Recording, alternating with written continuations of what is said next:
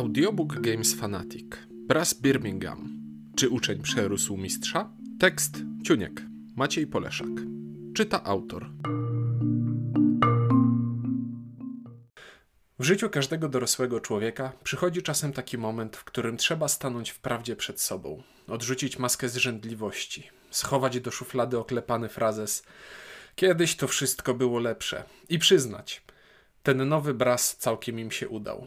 Nie będę więc ani przez chwilę udawał trzymania w niepewności co do oceny końcowej i z miejsca ostrzegam. Będę chwalił i słodził. Jak bardzo? Niech chociaż tutaj zostanie drobne niedopowiedzenie. Stary bras Martina Wallace'a, a.k.a. Bras Lancashire, miał sporo czasu, aby wpisać się na stałe w DNA nurtu ciężkich gier ekonomicznych i wyszło trochę nietypowo, bo z jednej strony mu się to udało, a z drugiej tak jakby nie, już tłumaczę o co mi chodzi. Jeśli ktoś poprosi mnie o polecenie gry o liczeniu pieniędzy, budowaniu przemysłu i na dokładkę o sporej interakcji pomiędzy graczami, to gra Wallace'a jest absolutnie pierwszym, co przychodzi mi do głowy słysząc te specyfikacje. Jednak z drugiej strony doświadczenie pokazuje, że sukces rodzi naśladowców, a w tym konkretnym przypadku w zasadzie można ich za świecą szukać.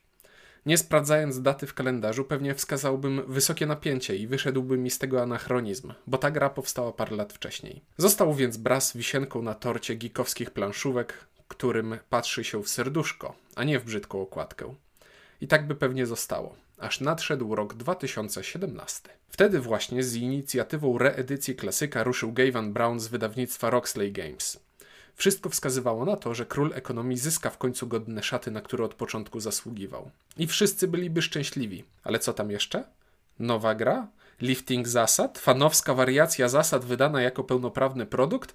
Nie ma zgody na takie kalanie imienia. Na koń, panowie! Jednak kiedy w biegu przypinałem szablę do pasa przy kontuszu, klnąc jak szewc na wspomnienie zawieruszonych gdzieś na strychu skrzydeł husarskich, których nie ma czasu odszukać, potknąłem się i z nosa spadły mi różowe okulary nostalgii. Nie zrozumcie mnie źle. Brass Lancashire, bo w zasadzie tak trzeba go już tytułować, był i nadal jest grą nieprzeciętnie dobrą i wyjątkową.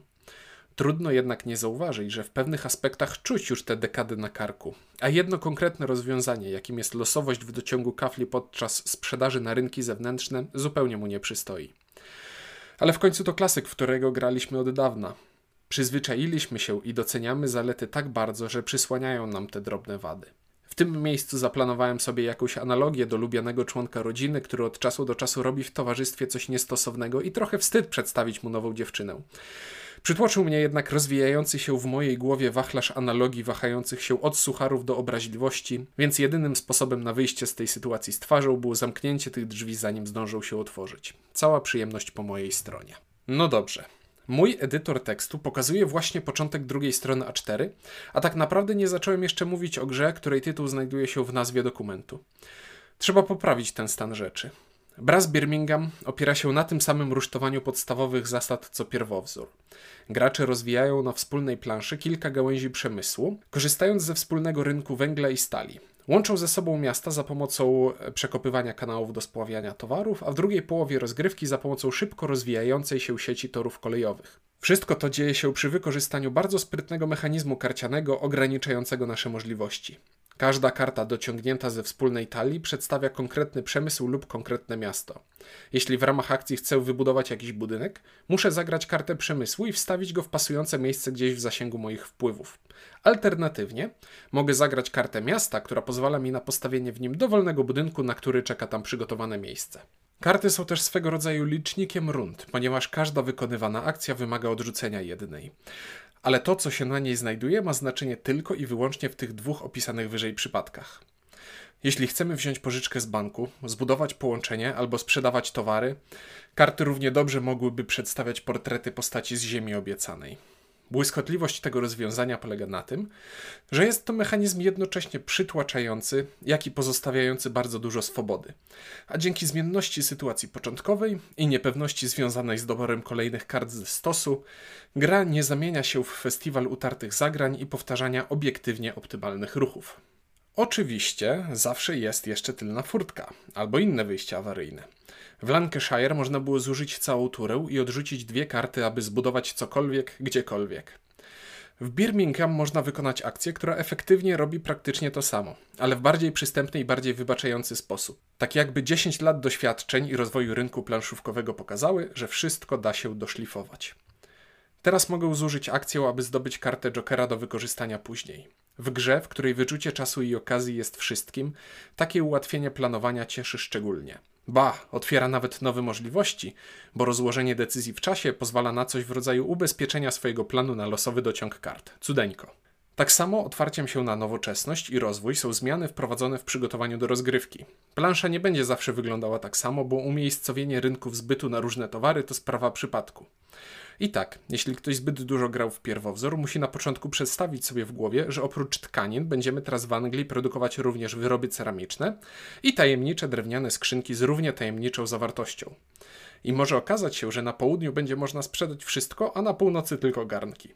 A w kolejnej partii na odwrót. Och, jakie to jest proste i wpływające na różnorodność. Koniec z graniem na pamięć pierwszych kilku ruchów. To, co pomiędzy partiami się nie zmienia, to plansza gracza z rozłożonymi na niej żetonami budynków. To jest coś, o czym można napisać elaborat. Idea jest prosta. Są różne rodzaje przemysłów, a można je podzielić na trzy grupy: towarowe, surowcowe i sprzedażowe. Towarowe to wspomniane wcześniej ceramika, skrzynki i tkaniny. To one przynoszą dużą część punktów zwycięstwa, o które niechybnie musimy się starać. Aby móc budować przemysł i połączenia, potrzebne nam są surowce: węgiel z kopalni i stal z huty.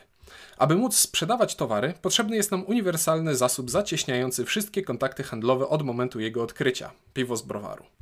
Co do zasady, im więcej budynków danego typu zbudujemy lub zbadamy jedną z akcji, tym lepsze i droższe budynki wyższych poziomów odblokujemy. Proste i logiczne. Do momentu, aż spojrzymy na skrzynki. Jeśli miałbym wskazać jeden element nowego brasa, co do elegancji którego mam pewną wątpliwość, to byłyby to właśnie skrzynki. Co tam się nie wydarzyło na tym torze? Czasem jest taniej, czasem jest drożej, czasem potrzeba stali, czasem potrzeba węgla, czasem sprzedać jest łatwo i bez piwa, a czasem trzeba się napić więcej, żeby dobić targu. Widzę, że dzięki takiemu zaprojektowaniu tej części gry przez całą rozgrywkę możemy elastycznie dostosowywać się do warunków na planszy, ale mój wewnętrzny wskaźnik porządku został zaburzony. W ogólnym rozrachunku Brass Birmingham jest dla mnie spektakularnym sukcesem i najprawdopodobniej najlepszym liftingiem starszej gry, z jakim się spotkałem. Projektanci z Roxley doskonale potrafili zdiagnozować, co w oryginale wymagało dopieszczenia, rozwinięcia albo amputacji. Najtrudniejszy w tym przedsięwzięciu i w recenzji w zasadzie też jest fakt, że trudno mówić tu o jakimś konkretnym elemencie mechaniki w oderwaniu od całej reszty zazębiających się drobiazgów, pociągających dalekosiężne konsekwencje. Sercem tej gry jest wspólny rynek węgla i stali ze zmieniającymi się pod wpływem podaży i popytu cenami, połączony z kilkugałęziowym przemysłem produkującym towary na eksport. Nie ma tu elementu, który tak po prostu i bez większej filozofii daje wprost dużo punktów zwycięstwa. Żegnajcie, drogie i bezużyteczne stocznie. I to właśnie sprawia, że mamy do czynienia z grą wybitną, w której wielowarstwowość decyzji jest ogromna, ale nie obezwładniająca. Ogół zasad jest względnie prosty, a szczegół można sobie szybko wytłumaczyć.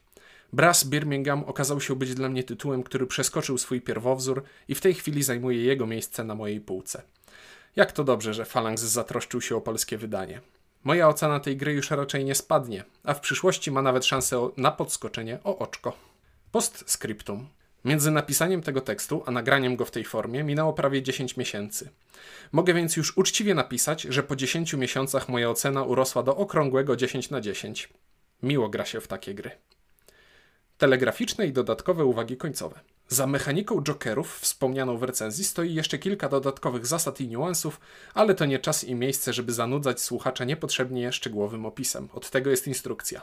Z tego samego powodu ominąłem większość szczegółów dotyczących pieniędzy, dochodu i kolejności w rundzie. Z kategorii wycinanie martwych zasad. Akcja pożyczki pozwala na wzięcie dokładnie 30 funtów. W pierwowzorze dało się wziąć mniej, nikt tego nie robił. Z kategorii wycinanie upierdliwych zasad. Pieniądze nie dają punktów zwycięstwa na końcu gry, więc wyleciała zasada dotycząca niemożności brania pożyczek pod koniec gry. Nie ma to jak uprościć większość zasad oryginału, a w ich miejsce dopisać parę innych zabawnych wyjątków. Konia z rzędem temu, kto wytłumaczy fabularnie, dlaczego własne piwo teleportuje się po planszy, a cudze trzeba wozić pociągiem. Ładna jest ta plansza, taka dwustronna. Szkoda tylko, że zdecydowano się na wariant Birmingham nocą, Birmingham w dzień, zamiast plansza dla dwóch graczy, plansza dla trzech lub czterech graczy. Na okładce jest kałuża. Szanuję odwagę. Ciekawostka, ta sama kałuża zagrała w połowie odcinków pierwszego sezonu Peaky Blinders. Po więcej tekstów zapraszamy na gamesfanatic.pl.